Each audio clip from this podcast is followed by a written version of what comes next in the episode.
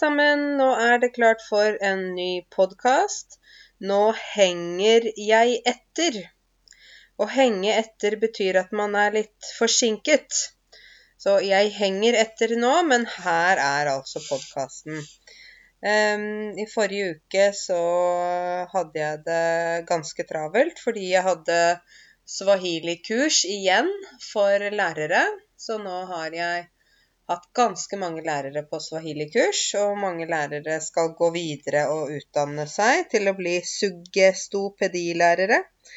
Jeg har jo før snakket om suggestopedi, at det er en metode for å lære språk raskt. Så um, da utdanner jeg lærere, slik at de også kan jobbe og lære bort språk på denne metoden. Og det er jo egentlig en metode der det er mye rollespill, eller et slags miniteater, da. Så i forrige uke så var jeg travel hver dag. Da hadde jeg pyntet uh, et rom med plakater med swahili. Uh, mange ting fra Afrika, fra da jeg bodde der. Um, vi hadde spill, vi hadde leker, vi hadde sanger. Så de merket at de lærte ganske fort, disse lærerne.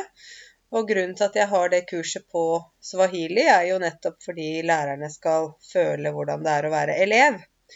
Eh, og mange av lærerne sa oi, nå ser jeg kanskje jeg skal begynne å henge opp ting på veggene. For dere vet det er mange klasserom rundt på voksenopplæringer, rundt på norskkurs, som er veldig stusselige. Stusslige, sier vi. Stusslige. Stusslig betyr at det er litt grått, trist, ikke så fint. Ikke sant? For eksempel hvis jeg sier 'Å, jeg ser stusslig ut på håret', da er håret mitt litt sånn dødt, flatt, ikke så fint. Så det er mange stusslige klasserom rundt omkring hvor det er veldig mye hvite vegger. Og det eh, tenker jeg er veldig dumt, fordi når man har ting oppe på veggene, så lærer man jo bedre også. Jeg f.eks. når jeg lærer et nytt språk, så pleier jeg alltid å ha ting på veggene. Ikke alltid bare Post-Its, fordi hvis man har Post-Its i hele huset, da blir man litt sliten. Da er liksom hele huset dekt av Post-Its overalt. Men man kan heller vil heller anbefale dere å lage en liten sånn plakat da, for dere selv, ikke sant? Lage en plakat og kanskje ha noe man kan se på, eller at det er noe, noe på veggen. Og så når man liksom føler at nei, nå kan jeg dette her, da kan man ta plakaten ned. Så kan man skrive en ny plakat. Plakat er jo da et større ark, ikke sant? Med, kanskje med en farge eller ja, litt tykkere ark. Men dere, når det gjelder uh, Jeg må jo egentlig bare komme rett til poenget. det har vært uh, storm rundt Sylvi Listhaug. Storm betyr at det blåser, det regner, det er mye vind. Så når det er storm rundt en person, så er det mye snakk. Den personen er mye i media, det er mye fokus på den personen. Og grunnen til at jeg må snakke om den saken, er fordi det er en sak som uh, alle nordmenn har fulgt med på nå den siste uka. Uh, det begynte egentlig med at Sylvi Listhaug la ut et Facebook-innlegg. Uh, og dette Facebook-innlegget, det var vel egentlig Ja. Det var et bilde av noen terrorister der uh, Sylvi Listhaug da skriver Arbeiderpartiet mener at terroristenes rettigheter er viktigere enn nasjonens sikkerhet. Hun la ut dette på sin egen uh, Facebook-side. For dere som ikke vet hvem Sylvi Listhaug er, så er hun da justisminister i Norge. Og justisministre de jobber med ting ja, rundt innvandring og rundt ja, politikk, egentlig. Ting som gjelder dere som hører på meg nå. Dere som ikke har Schengen-visa, f.eks. Så hun hadde da et bilde av de terroristene, og da ble Arbeiderpartiet veldig, veldig sint. Eh, altså lederne og alle ble sinte fordi eh, de har jo hatt eh, opplevd terroraksjon. Ikke sant? An Anders Behring Breivik.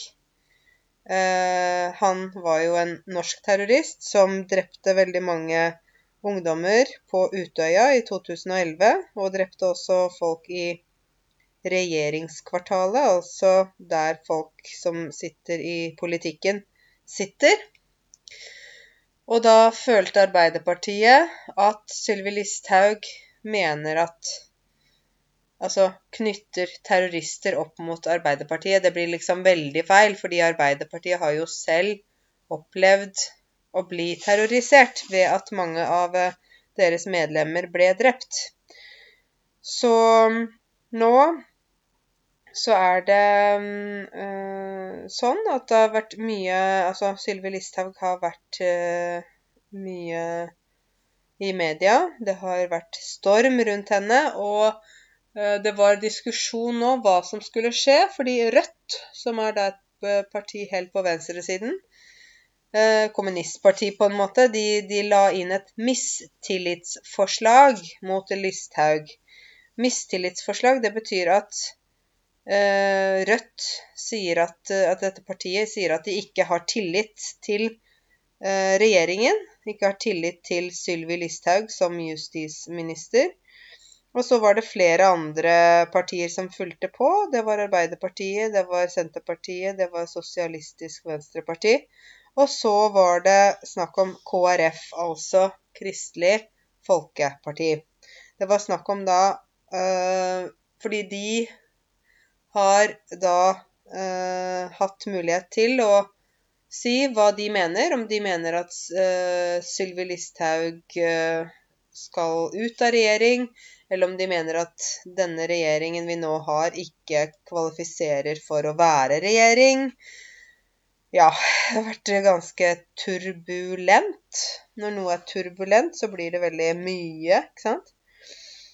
Og da har det eh, faktisk blitt sånn at eh, Sylvi Listhaug og Erna Solberg og hele hennes regjering var eh, i går på et møte der de snakket om hva som skulle skje.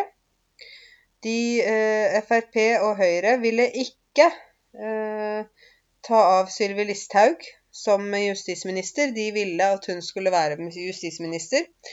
Så da eh, var det faktisk, ble det klart på morgenen i dag at Sylvi Listhaug, denne justisministeren da, hun har da selv valgt å gå. Det betyr at hun går av eh, Stortinget, går av regjeringen. Og det er jo veldig spesielt, men jeg tror en del norske folk nå har fått nok. Ikke bare i regjeringen, men også norske folk. Fordi Sylvi Listhaug er jo kjent for å ha en veldig kontroversiell innvandringspolitikk. Når, noe er kontroversielt, så er det mye diskutert. Det er ikke så positivt mottatt. Det er eh, ja, ikke så populært. Så øh, jeg selv er ikke noe Jeg er ikke fan av Sylvi Listhaug. Altså, jeg vil helst ikke at hun skal være inn i regjeringen. For hun er veldig, veldig streng, og hun, jeg mener at hun er for streng. Uh, hun uh, har ikke noe empati, føler jeg.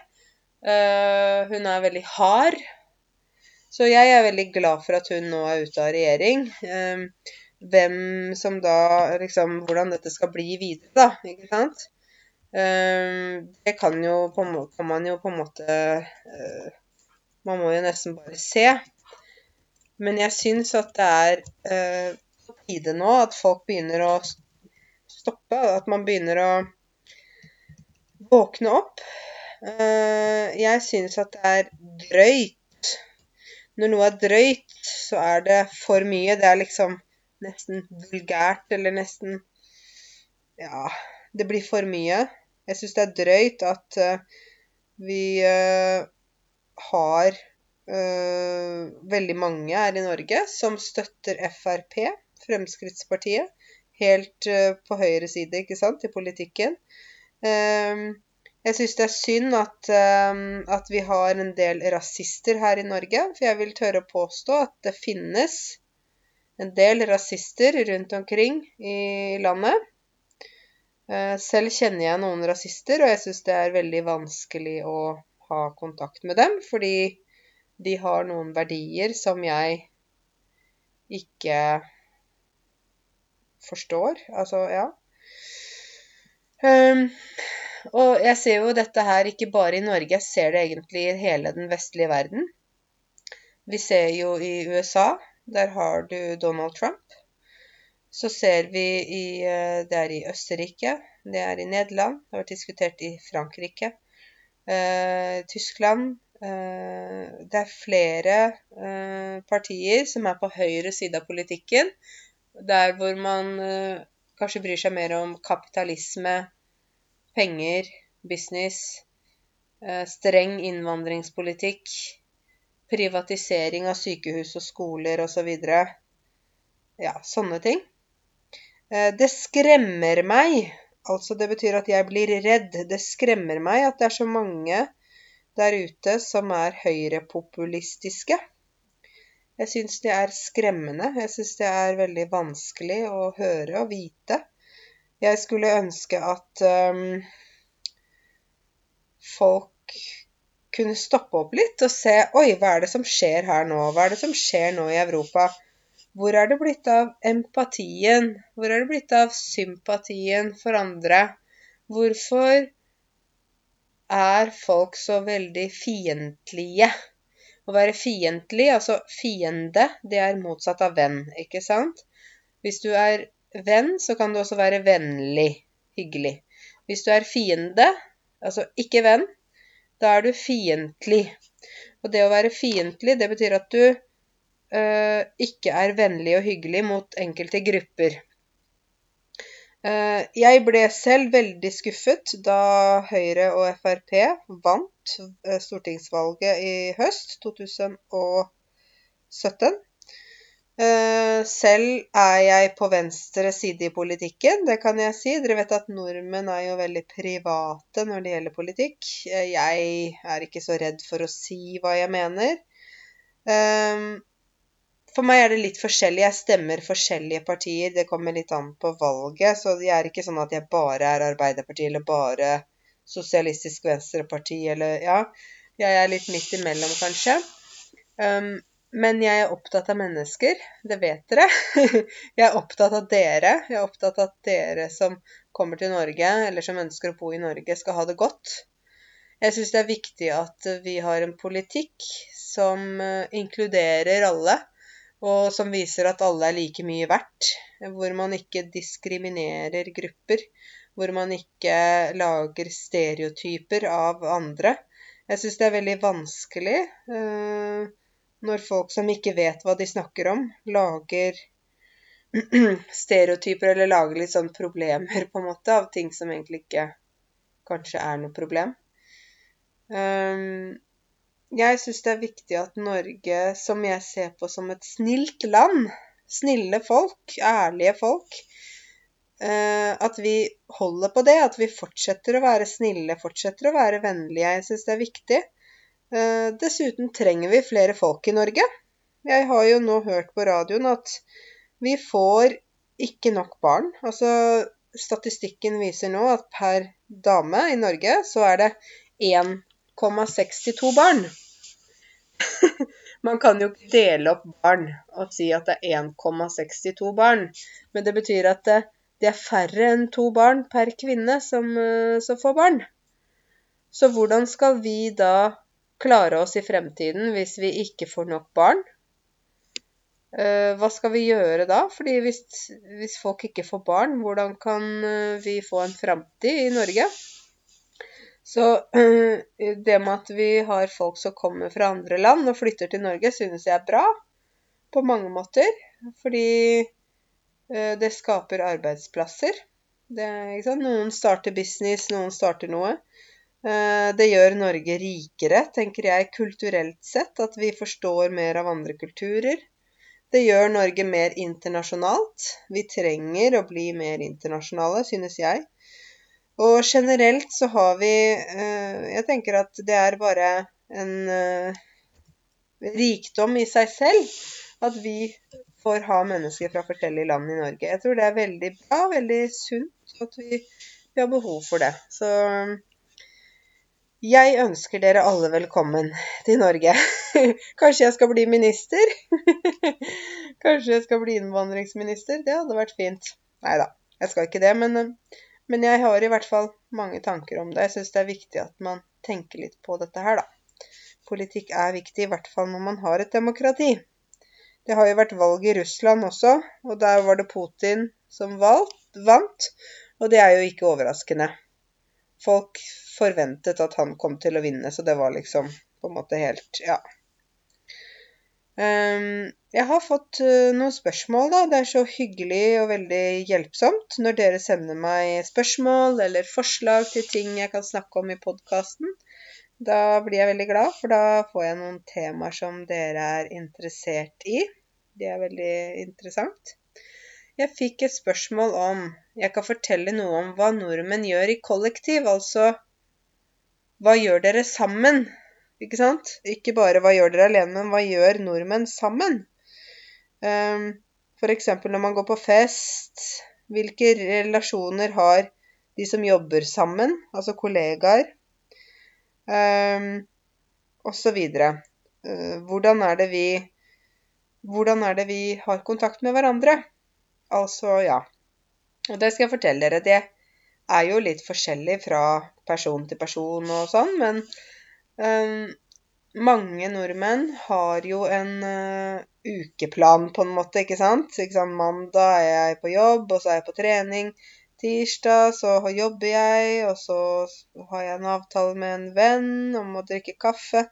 Så her er det sånn at hvis du spør noen 'Å, har du lyst til å ta en kaffe med meg i morgen?' Ja, da må du inn og sjekke på mobilen og lese og se på kalenderen. Ja, vet ikke om jeg har tid. Skal vi se Og så kan du avtale en kaffe om tre uker, ikke sant? Uh, I mange land så er det jo sånn at du bare kan komme innom og bare si hei, hei, jeg har veldig lyst til å få en kopp kaffe hos deg, er du hjemme? Eller at man bare banker på døra. Hallo, hallo, er det noen hjemme? Og her så må man liksom lage mange planer for å klare å finne ut uh, når man kan møtes. Så det er liksom ikke så lett, da. Um, men når vi møtes, så er det ofte Hvis jeg møter venninner, da er det enten at jeg inviterer de hjem til meg, eller de inviterer meg hjem til dem. Eller så møtes vi i byen, på en kafé eller på en restaurant. Av og til går vi ut på kino sammen. Og da er det jo ikke så veldig sosialt, for da sitter man jo og ser på film. Kanskje vi spiser på restaurant først, og så går vi på kino. Um, og så hender det at man går på teater eller konserter, eller noen ganger så drar vi på ferie sammen. Uh, nå skal jeg reise på ferie denne torsdagen som kommer, og da skal jeg reise til Doha i Qatar. Jeg skal være der i fire dager. Deretter skal jeg til Zanzibar. Og jeg skal ha med meg to venninner på turen min som ikke har vært eh, på Zanzibar før, så jeg gleder meg veldig til å vise dem mitt andre hjem.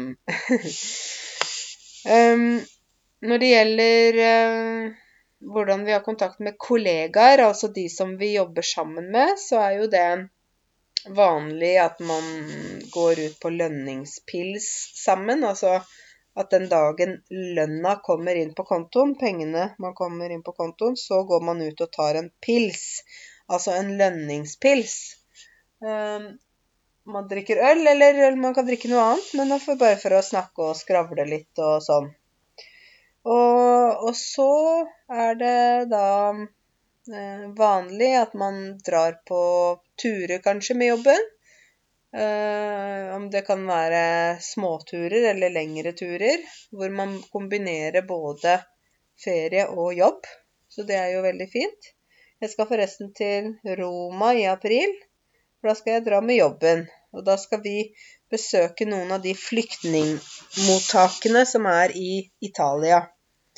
For å se på det, samtidig som vi skal være turister også.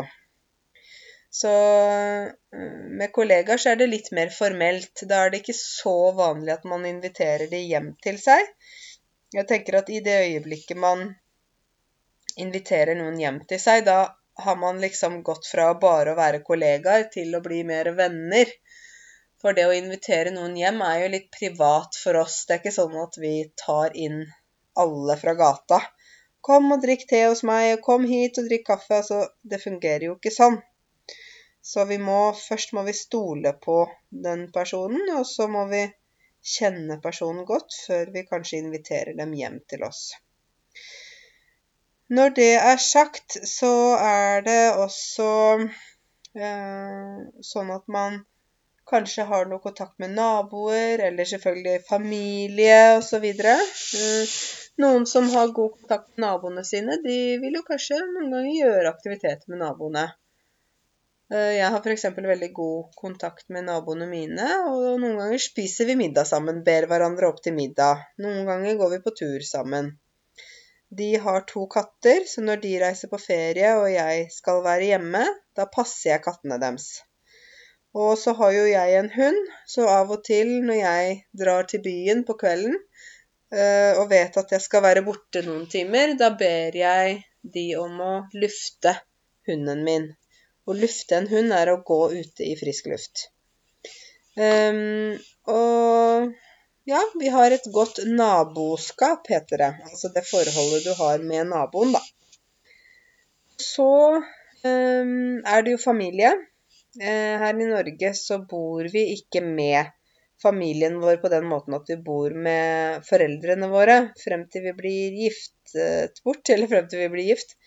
Så uh, vi har ikke så tett kontakt med familie sånn som kanskje dere har i mange andre land, hvor man bor nær hverandre, man løper mellom husene osv. Her er det mer sånn at jeg f.eks. jeg bor for meg selv, og min mor hun bor for seg selv. Og min søster bor for seg selv. Så det er ikke naturlig at vi eh, bare At f.eks. at min mamma bare kommer til meg uten å fortelle meg eh, på forhånd. Det skjer vel nesten aldri, tror jeg. Hun Altså, min mamma, hun uh, ringer da, og så avtaler hun og sier 'Ja, jeg kommer kanskje på lørdag, er du hjemme da?' Sånn og sånn. Og så har jeg sagt til henne 'Men mamma, du kan jo bare komme innom meg. Du trenger jo ikke akkurat å planlegge to uker i forveien. Du er jo mammaen min. Du er ikke en kollega. Og da sier hun ja, men jeg vil ikke forstyrre deg. I Norge så handler det veldig mye om å ikke forstyrre noen. Ikke plage noen. Ikke være hele tiden veldig sånn ivrig, aggressiv. Man skal liksom ikke bry noen, da. Man skal bare Ja, alle skal leve i fred, men ingen skal si noe til noen som de ikke bør si og sånn. Det er veldig sånn på den måten. Så jeg tror at uh, vi på mange måter har mye å lære av dere som har litt mer sånn storfamiliekultur. Der man kan eh, lett eh, liksom dra til tanta si, dra til onkelen sin. Man trenger ikke avtale på forhånd, man trenger ikke ha store planer. Man kan bare stikke innom. Stikke innom betyr at uh, man bare kommer uten at man ringer. Så du kan f.eks. kanskje stikke innom tanta di, stikke innom bestemora di, stikke innom fetteren din. Og det gjør du bare for å ta en kopp kaffe eller te eller ja. Så jeg syns at vi har veldig mye å lære der. Vi er ikke flinke nok når det gjelder dette med å være spontane og være impulsive. Her i Norge er det litt sånn alle skal ha en plan, alle skal ha regler, det skal være system. Noen ganger kan det bli litt for mye system, hvis du spør meg. Uh, I dag så var jeg og svømte. Dere vet at jeg svømmer hver tirsdag. Og da var det på tavla. Jeg så bare på tavla, så tenkte jeg OK. Tavla er jo en sånn, det er et sted der du setter på viktig informasjon. Så tenkte jeg hm, hvis jeg ikke var norsk nå, hva hadde jeg tenkt hvis jeg så denne plakaten, disse informasjonsbrosjyrene. Og da tenkte jeg at hm, hvis jeg ikke var norsk og så alle disse papirene før jeg kunne gå inn og svømme, så hadde jeg tenkt oi, dette er et land med mange regler. For ja, vi har et land som, der ting fungerer, men vi har også et land der det er mange regler. Jeg vet ikke om noen av dere har tenkt over det, men vi har jo regler for alt Norge. Alt er regulert, alt er planlagt på en måte. Så jeg syns jo det er litt kjedelig at det skal være så mye regler, for noen ganger så blir man jo litt lei, ikke sant. Man blir lei at nei, du kan ikke gjøre det, fordi det går ikke, og det er sånn, og det er sånn, og ja. Så jeg tror at vi har litt å lære der, da. At vi ikke trenger å ha regler for alt, og trenger å ha system for alt. Det er litt slitsomt, egentlig, syns jeg. Så ja. Ok, det var det om nordmenn og hvordan vi er sosiale. Um, jeg har også fått et annet spørsmål om jeg kan lage et video om Norges helsesystem. Ja, det kan hende det kommer en video om det etter hvert, men jeg kan godt snakke litt om helsesystemet vårt. Uh, vi har jo et helsesystem som er støttet av uh, velferdsstaten. Det vil si at de pengene folk betaler i skatt, det kommer tilbake til oss i forskjellige former. Den ene formen er gratis utdanning. Den andre formen er gratis helsesystem. Den tredje formen er f.eks. veinett, eh, infrastruktur osv. Så, så Helsesystemet i Norge er jo, for vi som da har vokst opp her og som har norsk pass, da er alt gratis. Eh, fra vi er født til vi er 18 år. Eh, babyer får gratis sjekk på helsestasjonen. Mødrene, når de er gravide, får de gratis eh, sjekk, gratis sånn samtale med legen. Og når barnet kommer, da får man jo selvfølgelig gratis helsehjelp. Hvis det er noe som skjer med babyen, så betaler staten det. Uh, ja. I Norge så skal det ikke være nødvendig å ha, um, uh, å ha helseforsikring. Jeg vet at det er veldig nødvendig i veldig mange land, at man må ha helseforsikring. Men for meg så uh, er det sånn at jeg, jeg f.eks. ikke har det. Fordi jeg vet at velferdsstaten uh, hjelper meg hvis jeg skulle få noen problemer, så er det staten, eller Norge, som da betaler f.eks. hvis jeg trenger en operasjon. Og det syns jeg jo er veldig bra. Så man trenger ikke bekymre seg for helse i Norge på den måten. Uh, Norge er veldig flinke til å ta vare på folk. Uh, vi er flinke til å ta vare på kroppen vår. Vi er aktive. Vi spiser sunt. Vi jogger, løper, går på ski, svømmer hele året rundt. Så eh, jeg tror også det er noe av det som gjør at nordmenn stort sett blir ganske gamle. At vi har god helse. Eh, hvis det er noen barn, eller, eller noen voksne også, med funksjonshemminger eller handikapper, hvor de er mentalt handikappet, da har vi spesielle steder for de, og de uh, får f.eks. behandling, de får hjelp. Og så, når de skal bo alene i en leilighet, så får de uh, personale, altså folk som også jobber der, som ser til at alt går bra, og så de bor ikke helt alene. Og dette har jo staten betalt for. Og staten Norge er veldig, veldig gode på f.eks. når det gjelder um, uh, ting man skal få gratis som er viktige. Altså helsetimer, legetimer. Når man har barn, så får man det gratis. Um, vi prøver å informere folk, opplyse folk så mye som mulig om uh, hvordan de skal ta vare på helsa si. Um, men hvis man blir syk, og hvis man trenger hjelp, så har vi jo sykehus, vi har legevakt osv. Um, personlig er jeg ikke så glad i dette med Eh, fastlege. Fordi eh, vi sier at vi har fastlege, og det er jo en lege som er din lege, som du må gå til. Du kan ikke gå til andre leger. Da må det i så fall være at du betaler det selv, da. Eh, og fastlegen også Poenget med dette er at fastlegen skal vite hvem du er, og at den personen kjenner deg, slik at når du kommer på legevakta, så har den personen som er fastlegen din, allerede oversikt over ja, hva som har skjedd i livet ditt, om det er noen spesielle ting osv. Um, men jeg syns det er litt sånn kjedelig det med fastlege, fordi det betyr at du ikke kan gå til hvem som helst av leger. Du må liksom gå til fastlegen, da. Og jeg syns jo personlig det er veldig vanskelig å få time hos fastlegen. Fastlegen min er alltid opptatt. Så jeg vurderer jo egentlig å uh, bytte fastlege, men så syns jeg igjen at det er veldig mye jobb, ikke sant. Er det kjedelig? Uh, da må man inn på internett, og så må man lete og prøve å finne en uh, fastlege som er flink. Så må man tenke på ja, men hvilken fastlege er flink?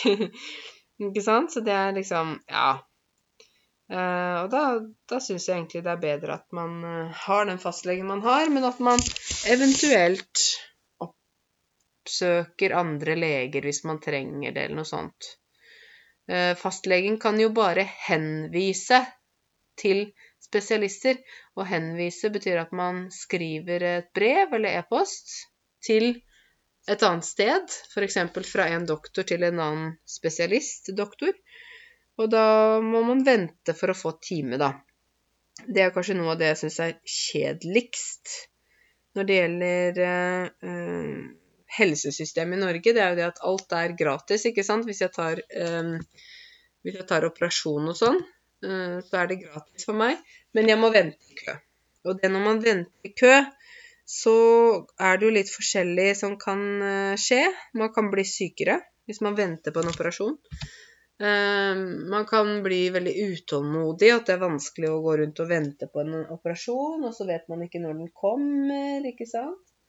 Og så syns jeg at det at de lar folk vente, og at folk av og til dør mens de venter på å bli operert, det syns jeg er helt uakseptabelt. Um, det finnes jo noen private klinikker her og der, uh, og de er jo Eh, egentlig det de ønsker, er jo å lage litt konkurranse til de store sykehusene og sånn som finnes. Fordi på de sykehusene i Norge så er det ja, det er høyt tempo. Det er ikke så mange sykepleiere, f.eks. Det er ikke så mange doktorer, så de må jobbe veldig hardt. Det er sikkert noen av dere som er sykepleiere som hører på meg nå. Da vet dere hva jeg snakker om. Uh, og så er det litt sånn mm, Ja, jeg tenker når du har et privatsykehus, så betaler du selv. Men da kan du jo også være mer kresen. Å være kresen betyr at man ikke liker mange ting. F.eks. hvis du er kresen på mat, da vil du ikke smake på annen mat. Du vil ikke Du er ikke interessert, ikke sant? Så jeg syns jo det at eh, ja, hvis man velger noe privat, så må man jo gjerne ha medlemskap og sånn. Men noen ganger tror jeg det er bedre. Jeg hadde eksem på hendene mine veldig Jeg det hele vinteren pga. den tørre lufta, men jeg hadde eksem. Skikkelig eksem, og da tenkte jeg at jeg ville heller gå til en privatlege og få time med en gang, enn å vente 100 år på fastlegen min. Så da gikk jeg direkte til en privatklinikk og hun sjekka hånda mi og anbefalte meg noen medisiner og sånn. Uh, og det gikk veldig fort. Ja, jeg måtte betale, det kosta mer enn jeg tenkte. Men jeg var jo også uh, liksom i trygge hender, og jeg følte at jeg fikk en veldig god behandling av det. Uh, og jeg slapp å vente. Nummer én var det at jeg ikke trengte å vente. Og det syns jeg er veldig viktig. Uh, tid er penger, og penger er tid, er det ikke det de sier?